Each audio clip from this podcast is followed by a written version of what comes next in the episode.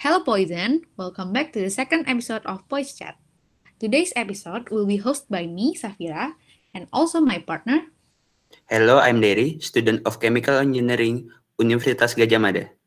As written on the title, we will discussing around the topic of FMCG industry. Before we start straight to the topic, let us introduce you what POISE is. POISE 2021 is the biggest annual event held by chemical engineering students of Universitas Gadjah Mada. POISE 2021 run with the theme Enhancing Professional Youth Towards Safe and Green Industry Culture for Sustainable Future. As to support our main event, you can anticipate our nearest upcoming event, Poster Challenge for Design Engineer or it's shortened as FACE. The main theme of competition is applicating green and sustainability in FMCG industry. To know more about it, go check our Instagram at poise.um. Waduh, kayak dia aku dengar sedikit bisikan-bisikan tentang FMCG nih. Sebenarnya hari ini kita mau ngomongin seputar FMCG industri gitu ya, Saf? Iya, bener banget nih, Der. Hari ini kita bakal ngobrol-ngobrol nih soal FMCG industri. Nah, sama kayak episode sebelumnya, kita bakal ngobrol sama narasumber yang bakal bantu kita dan juga Poison buat mengetahui lebih lanjut tentang FMCG industri itu sendiri. Waduh, kayaknya pasti keren gak sih nih narasumbernya. Nah, kalau boleh tahu siapa nih hari ini narasumber buat voice chat kita, Saf? Jadi hari ini kita bakal ngobrol sama Kak Tia Laurencia Benedita Araujo atau biasa dipanggil Kak Ujo. Kak Ujo ini dari Teknik Kimia 2014. Sekarang Kak Ujo kerja di Manufacturing Excellence for Foods and Beverage Factory in Unilever Indonesia. Waduh, kayaknya dia aku dengar dari Teknik Kimia UGM juga nih. Ya, sama kita satu alma mater lah ya, Saf. Bener. Ya udah lah ya, nggak usah langsung lama-lama lagi. Mending kita langsung aja mulai. Halo Kak Ujo, gimana nih kabarnya? Sekarang Kak Ujo sendiri ini masih WFA atau udah mulai WFO nih Kak? Kalau boleh tahu. Halo Derry, halo Sebria, halo teman-teman Poison semua. Uh, aku Ujo dari Teknik Kimia Angkatan 2014. Saat ini sih aku masih 100% kerja uh, ke pabrik langsung gitu sih. Nah, uh, sebelum lanjut ke pertanyaannya kita yang bakalan lebih dalam membahas FMCG industri, Kak, uh, boleh nggak nih Kak Ujo memperkenalkan diri lagi nih biar teman-teman tuh lebih kenal sama Kak Ujo? Oh iya, sorry. Oke, okay. halo teman-teman Poison semua. Uh, kenalin, namaku Tia Lorencia Benedita Araujo. Uh, biasa dipanggil Ujo. Uh, aku berasal dari Teknik Kimia Angkatan 2014. Saat ini aku uh, di FMCG Industry di Unilever. Uh, jad, uh, sebagai manufacturing excellence uh, for foods and beverage factory. Jadi untuk pabrik foods dan pabrik uh, teh gitu. Oke, kayaknya kebetulan sama nggak nih Saf sama kita sama satu alma mater Mbak Ujo itu satu iya, game gitu loh. Sama-sama teknik teknik kimia UGM ya. Nah cocok sih. Nah tadi kan kayak aku udah deng udah denger nih FMCG FMCG. Nah mungkin para poison masih bingung kayak apa sih itu FMCG gitu loh. Mungkin bisa tolong jelasin sedikit kak kalau FMCG itu apa? Oke, jadi FMCG itu uh, kalau dari by singkatan FMCG itu adalah fast moving consumer goods ya.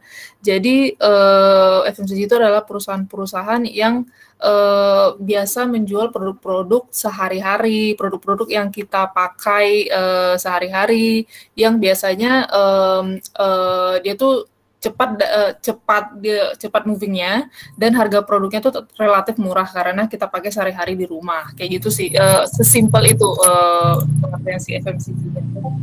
Uh, jadi tadi kan Kak Ujo udah nerangin nih tentang FMCG ya Kak.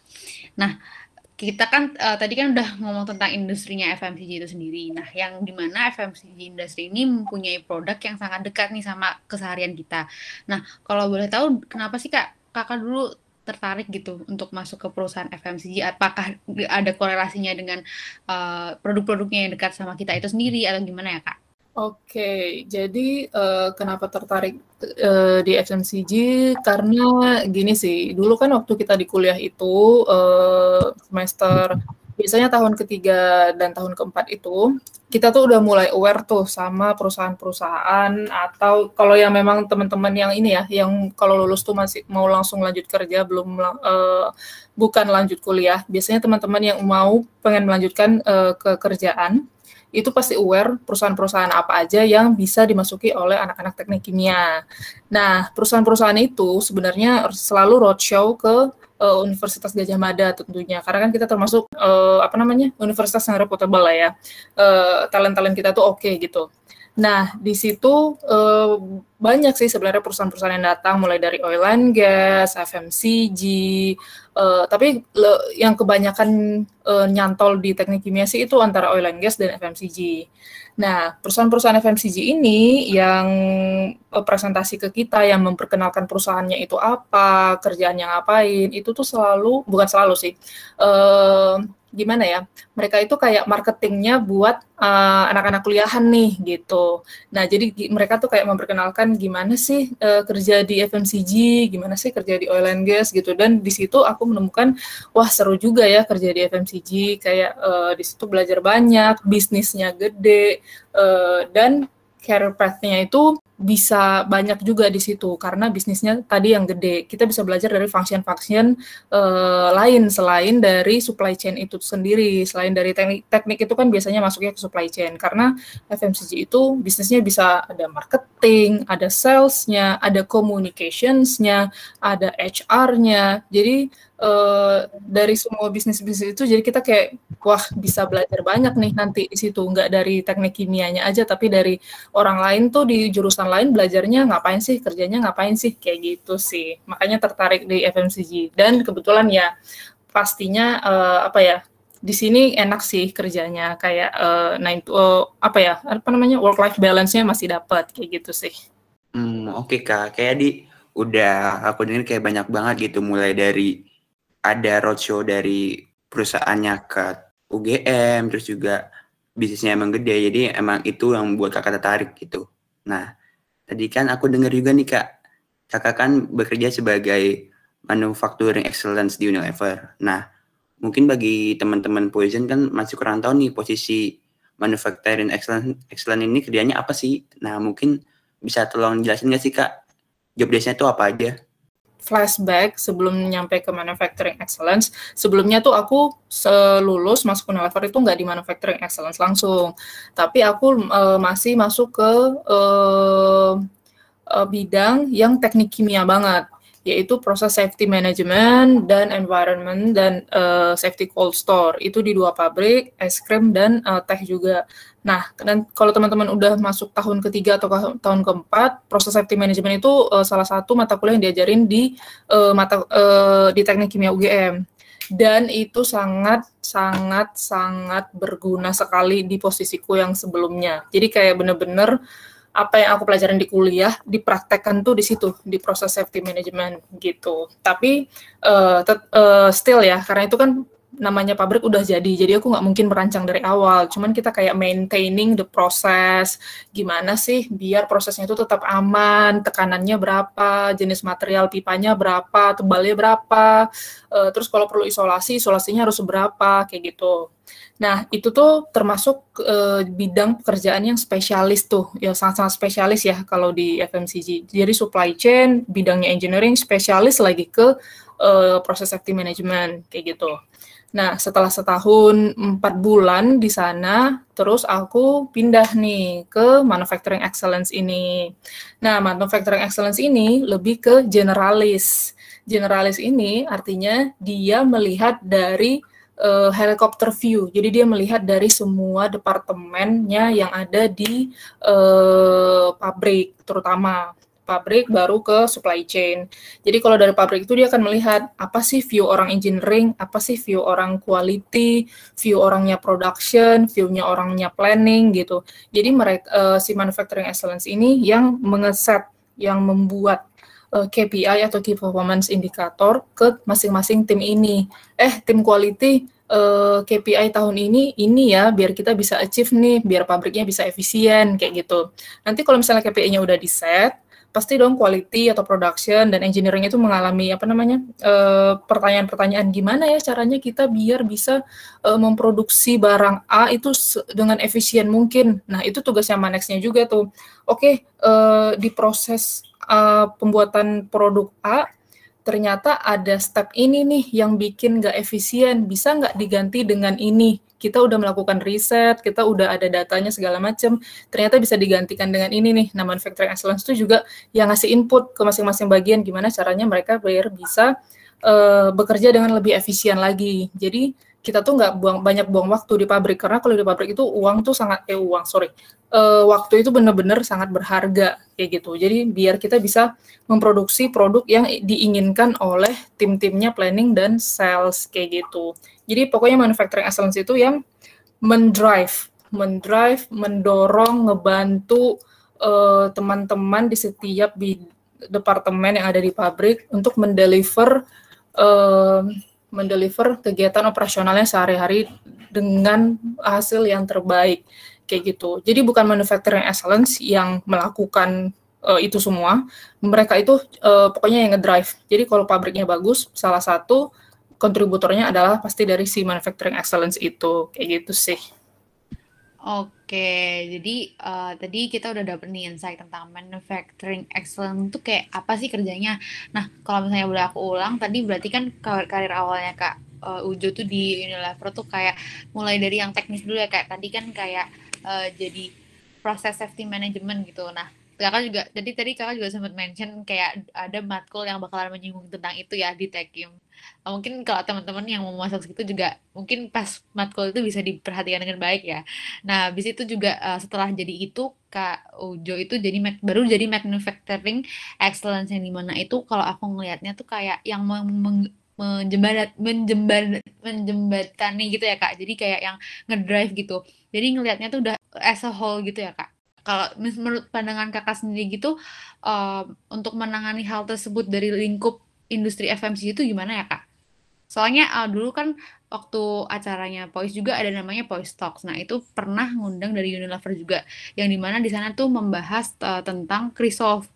Mungkin kakak uh, kak Uji juga mungkin tahu tentang Krisolf gitu ya kak. Mungkin bisa di uh, tawarkan sama kita menurut kak, uh, pandangan kakak sendiri itu gimana sih uh, tentang masalah packaging plastik ini dalam industri FMCG? Oh oke, okay.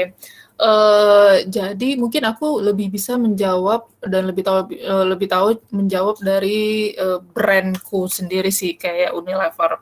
Uh, tapi harusnya ya dan setahu juga semua FMCG harusnya emang bertanggung jawab uh, dan berkontribusi lah uh, atas apa yang dia udah hasilkan. Nah, kalau misalnya packaging dihilangkan kan juga nggak belum mumpuni, belum sampai situ mungkin ya. Jadi kalau secara market mungkin belum belum banyak nih market kita yang bulk bulk kayak gitu, yang hanya di satu store tinggal di apa isi ulang aja gitu mungkin belum banyak. Nah, di sini kita uh, biasanya sih lebih ke apa ya inovasi-inovasi packaging. Inovasi-inovasi packagingnya itu gimana? Mungkin uh, packagingnya itu bisa lebih gampang didaur ulang atau dia itu udah uh, 100% zero plastik uh, hanya aluminium saja untuk yang makanan-makanan. Atau dia itu menggunakan uh, bahan-bahan uh, recyclable uh, daur ulang juga di botol-botolnya gitu. Kayak kalau di Unilever tuh Rinso. Rinso itu kan uh, gencar banget untuk uh, mempromosikan untuk daur ulang plastik tuh dengan teknologi Creasoft yang uh, tadi uh, Safira mention. Nah itu mungkin yang lebih lebih ngerti sih ya brandnya Rinso ya. Jadi emang dia uh, di sana tuh mereka udah pakai daur ulang plastik itu uh, dan brand mereka juga ada Love Beauty and Planet itu juga menggunakan betul-betul uh, daur ulang plastik kayak gitu 100% botol daur ulang gitu. Nah, uh, pasti nanti juga ada brand-brand lain selanjutnya yang akan uh, ini mendukung kampanye itu kayak gitu sih. Jadi karena Unilever itu udah berkomitmen uh, untuk men, apa ya membantu uh, lingkungan aja gitu. Jadi nggak hanya community yang di uh, community as a masyarakat, tapi juga community as a lingkungan hidupnya gitu sih. Oke, kayak tadi kita udah dengar lumayan banyak sih dari usaha-usaha yang dilakukan oleh Unilever kayak contohnya tadi ada Kresoft terus menggalakkan buat mendaur ulang pro produk packagingnya dan juga Unilever sendiri juga sudah berkomitmen gitu buat membantu melestarikan lingkungan. Nah, mungkin kalau aku boleh tahu perusahaan kakak sendiri ini udah sejauh apa nih kak buat mewujudkan sustainable industry selain dari yang tadi kakak sebutkan? Oke, kalau uh, selain dari yang tadi disebutkan, mungkin uh, ini sih kita banyak CSR. Jadi kita itu ada satu departemen uh, di Unilever Indonesia, uh, bagian CSR apa untuk kelingkungan untuk sustainable. Nah, uh, CSR-nya itu Uh, salah satunya ada di Bali. Waktu itu kita juga sempat visit uh, di uh, area Jakarta dan Jawa Barat juga ada. Jadi itu ke lebih ke mas, uh, bank sampah uh, dari masyarakat-masyarakat. Nah, tadi kan uh, masyarakat beli produk Unilever nih. Uh, nah, dari produk Unilever itu masih ada sisa-sisa packaging, botol yang banyak banget. Nah, CSR-nya ini dia itu kayak mengumpulkan sampah-sampah yang bisa didaur ulang, uh, apalagi terutama dari produk-produk Unilever diutamakan.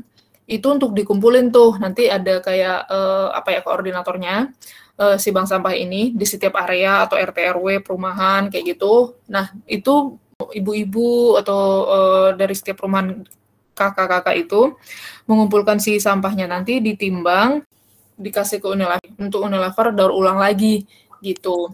Nah, setahu aku juga ada manfaat ekonomi setiap mereka mensap, mengumpulkan uh, si sampah itu sendiri. Sustainable-nya nggak cuma dari lingkungan, tapi juga ke masyarakatnya itu sendiri. Jadi kayak memberdayakan masyarakat dan juga memberday sekaligus memberdayakan lingkungannya gitu sih.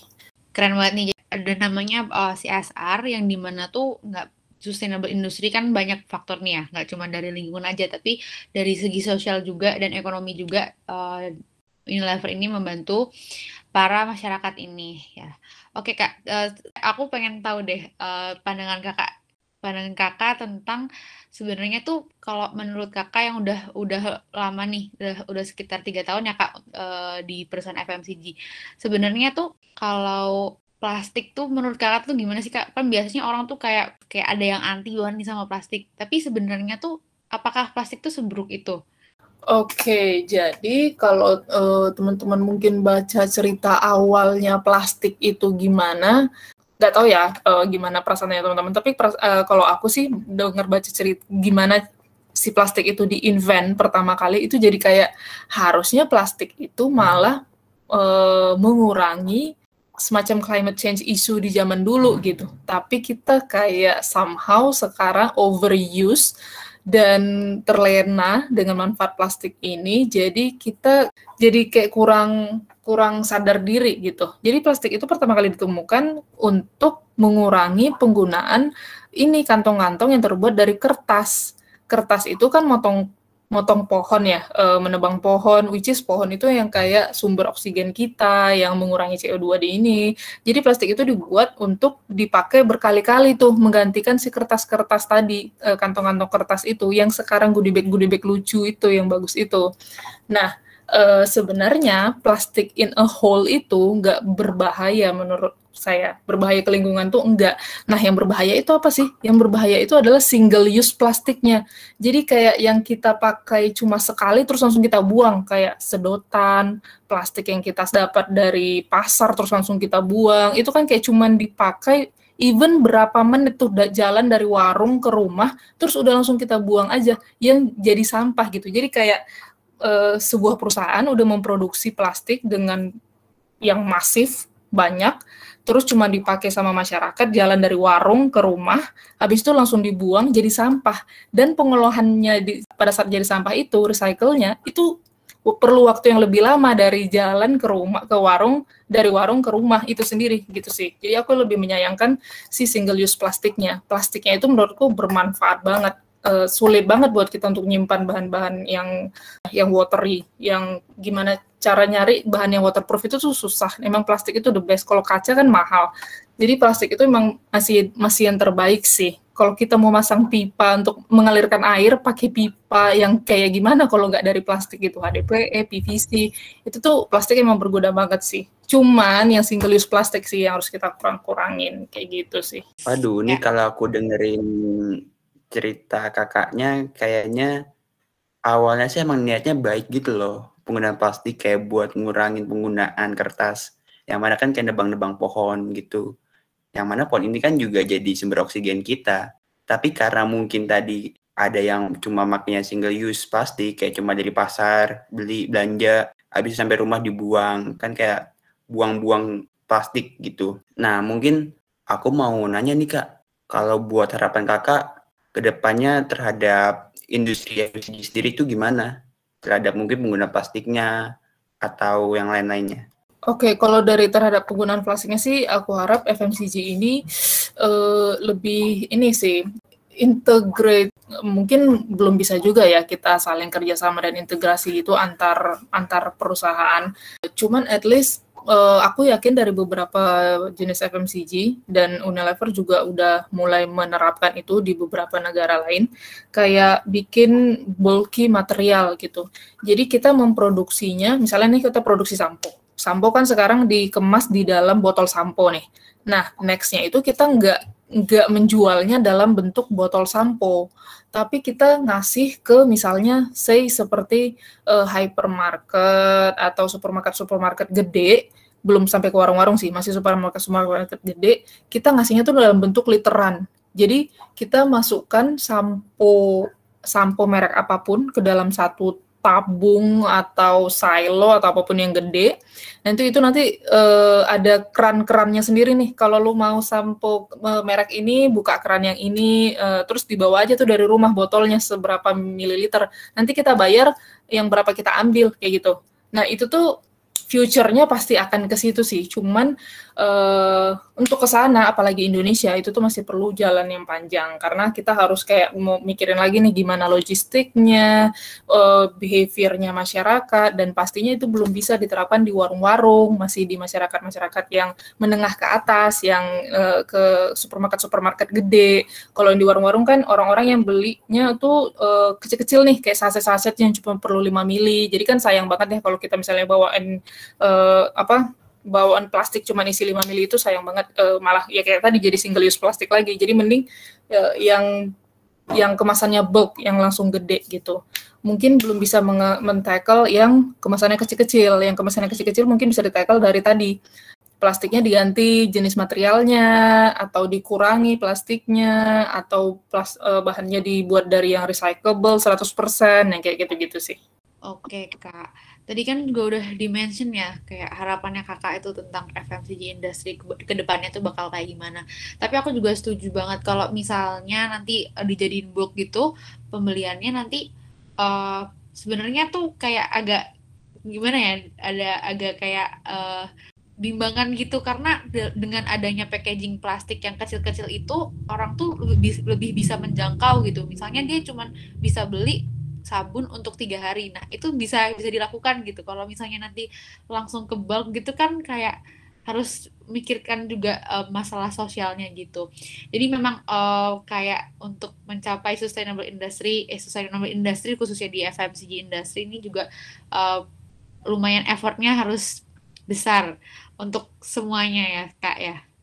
Iya, betul sekali dan dan dan aku juga harus akuin sih untuk sustainable itu masyarakatnya sendiri pun harus udah punya uh, mindset untuk sustain. Artinya orang-orang yang punya mindset sustain itu biasanya ekonominya itu uh, negara negaranya memiliki ekonomi yang udah uh, udah ini juga udah mapan gitu. Jadi masih kalau kita kan masih banyak yang menengah ke bawah, even yang uh, sorry to say yang masih belum bisa inilah memenuhi kebutuhan sehari-hari. Jadi untuk memikirkan sustainable itu masih masih masih apa ya masih belum yang prioritas, prioritas iya. belum prioritas betul. Mungkin uh, sekarang pemerintahan kita ya prioritasin gimana caranya uh, rakyat Indonesia ini bisa makan bisa semuanya makan nggak ada yang terlantar semuanya punya rumah kayak gitu. Masih yang kayak gitu dulu sih. Jadi mungkin untuk Indonesia masih ceritanya panjang tapi aku yakin kita pasti akan udah bergerak ke sana. At least dia uh, menargetkan pasar orang-orang yang tadi kelas menengah ke atas kayak gitu dulu sih Oke, setuju aku sama Kak Ujo. Nah, mungkin kita move to the next topic ya. Sekarang ini kan kayak banyak banget Kak yang tertarik untuk bekerja di industri FMCG. Uh, aku juga sebenarnya tertarik banget sama industri FMCG karena ya itu tadi produknya itu dekat banget sama kita dan banyak orang tuh bisa dijangkau gitu dari produknya itu. Nah, boleh nggak nih Kak, sebagai pertanyaan penutup untuk memberi saran kepada Poison uh, yang ingin bergabung ke FMCG industry, kayak apa aja sih Kak yang harus dipersiapin gitu? Oke, jadi buat poison-poison yang ingin masuk ke FMCG, eh, mungkin pertama yang harus disiapkan adalah mindset dan mental ya. Karena seperti namanya FMCG, fast moving consumer goods, so you have to be fast, like literally fast. Karena tren itu berubah. Kita itu memproduksi barang karena ada drive-nya, ada demand-nya, yaitu dari masyarakat. Nah, zaman sekarang sosial media, internet itu tuh bener-bener mempengaruhi tren banget.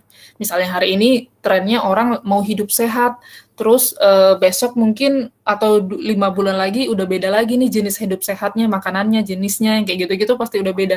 Dan kita harus mengikuti tren itu. Kita harus memenuhi pasar itu. Karena tadi FMCG kan dipakai oleh banyak orang ya. Kalau misalnya kita nggak cepat menanggapi tren itu, uh, kita pasti kalah gitu. Brand kita kalah. Jadi kalau uh, mau jadi winning brand, kita harus cepat menanggapi tren yang tadi. Nah, kalau misalnya udah ada demand-nya, berarti kita juga harus memproduksi karena produksinya itu, apalagi kita yang teknik, uh, teman-teman teknik ya, produksinya juga harus kayak uh, mikirin nih, gimana nih kalau misalnya formulasinya diganti, apakah mesinnya bisa. Nah, kita juga harus cepat tanggap itu kayak, oke, okay, ini kita ganti formulasi, oke, okay, ini kita ganti uh, jenis raw material, kita harus bisa memproduksinya tuh tetap yang kayak sebelumnya, tapi dengan efisiensi yang sama, at least uh, atau even uh, higher efisiensi kayak gitu sih. Jadi harus punya mindset itu, harus punya mindset yang uh, apa ya uh, cepat belajar, adaptasinya cepat dan uh, selalu punya solusi di di selalu punya solusi di pikiran gitu. Uh, jadi kayak sebagai konsultannya pekerjaan kita masing-masing. Jadi kalau misalnya oke okay, we have issue di sini, kita harus sama-sama mikir untuk uh, jadi konsultan untuk menyelesaikan isu itu dengan cepat gitu supaya kita nggak kalah kayak gitu sih. Oke, jadi uh, makasih Kak Uju tadi udah dikasih insight untuk kalau misalnya mau masuk FMCG industry gimana, we have to be fast uh, dalam melihat apa yang diminta sama uh, masyarakat, apa yang lagi happening, apa yang lagi uh, dibutuhkan, dan kita juga harus cepat mencari solusi itu sendiri. Nah, uh, ini cukup padat juga omongan kita perbincangan kita pada malam hari ini walaupun uh, durasi nggak terlalu lama tapi mungkin udah bisa me menggambarkan lah brief, brief explanation about uh, industri FMC industri itu kayak apa. Nah makasih Kak Ujo insight-nya uh, semoga bermanfaat buat poison semua. Uh, uh, jadi udah dibilangin Kak Ujo tadi juga uh, kalau misalnya FMCG industri itu uh, bakalan mengarah ke sustainable industry itu sendiri walaupun pewujudannya khususnya di Indonesia itu masih banyak uh, urusan prioritas yang lain yang uh, yang yang lebih penting daripada men mencapai sustainable industry sendiri tapi bukan berarti kita nggak mikir itu sama sekali gitu. Oke, kayak tadi kan kita udah dengerin terkait banyak nih dari perusahaan Kak Ujo itu apa ada apa aja terkait untuk mewujudkan sustainable industry. Nah, untuk mewujudkan sustainable future itu harus disupport dari berbagai sektor. Salah satunya dengan penerapan sustainable industry di FMCG industry. Sejalan banget nih sama tema event Post 2021, Enhancing Professional Youth Toward Safe and Green Industry Culture for Sustainable Future. Jangan lupa nih Poison untuk ikut rangkaian acara kita yaitu lomba yang membahas tentang FMCG yaitu PES. PES sendiri adalah lomba poster yang membahas tentang FMCG dan penerapan green industry dalam FMCG itu sendiri.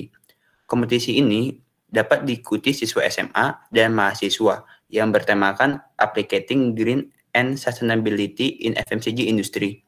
Develop primary packaging with environmentally friendly materials. Nah, pasti teman-teman di sini pada penasaran kan? Itu lombanya kayak gimana aja. Nah, maka dari itu langsung aja nih buruan nih cek IG-nya Poise di @poise.ugm dan jangan lupa daftar buat ikut lomba PES. Bener banget kata Dery. Uh, jangan lupa ya teman-teman Poison untuk daftar lomba PES. Nah, sekali lagi uh, makasih banyak Kak Ujo udah mau meluangkan waktu kakak untuk sharing-sharing bersama kami. Iya, makasih banyak Kak Ujo. udah meluangkan waktunya. Oke, sekarang kita tutup aja Yusuf podcast episode ini. Untuk Poison yang lagi mendengarkan podcast ini, jangan lupa untuk buat dengan episode sebelumnya juga nih, biar juga bisa nambah insight-insight baru. Dan juga di-share sama teman-temannya sekalian membagikan insight. Mungkin juga bisa nambah pahala nggak sih? Oke, And, saya Mary. and I'm Safira. We are now signing off. Goodbye, Poison.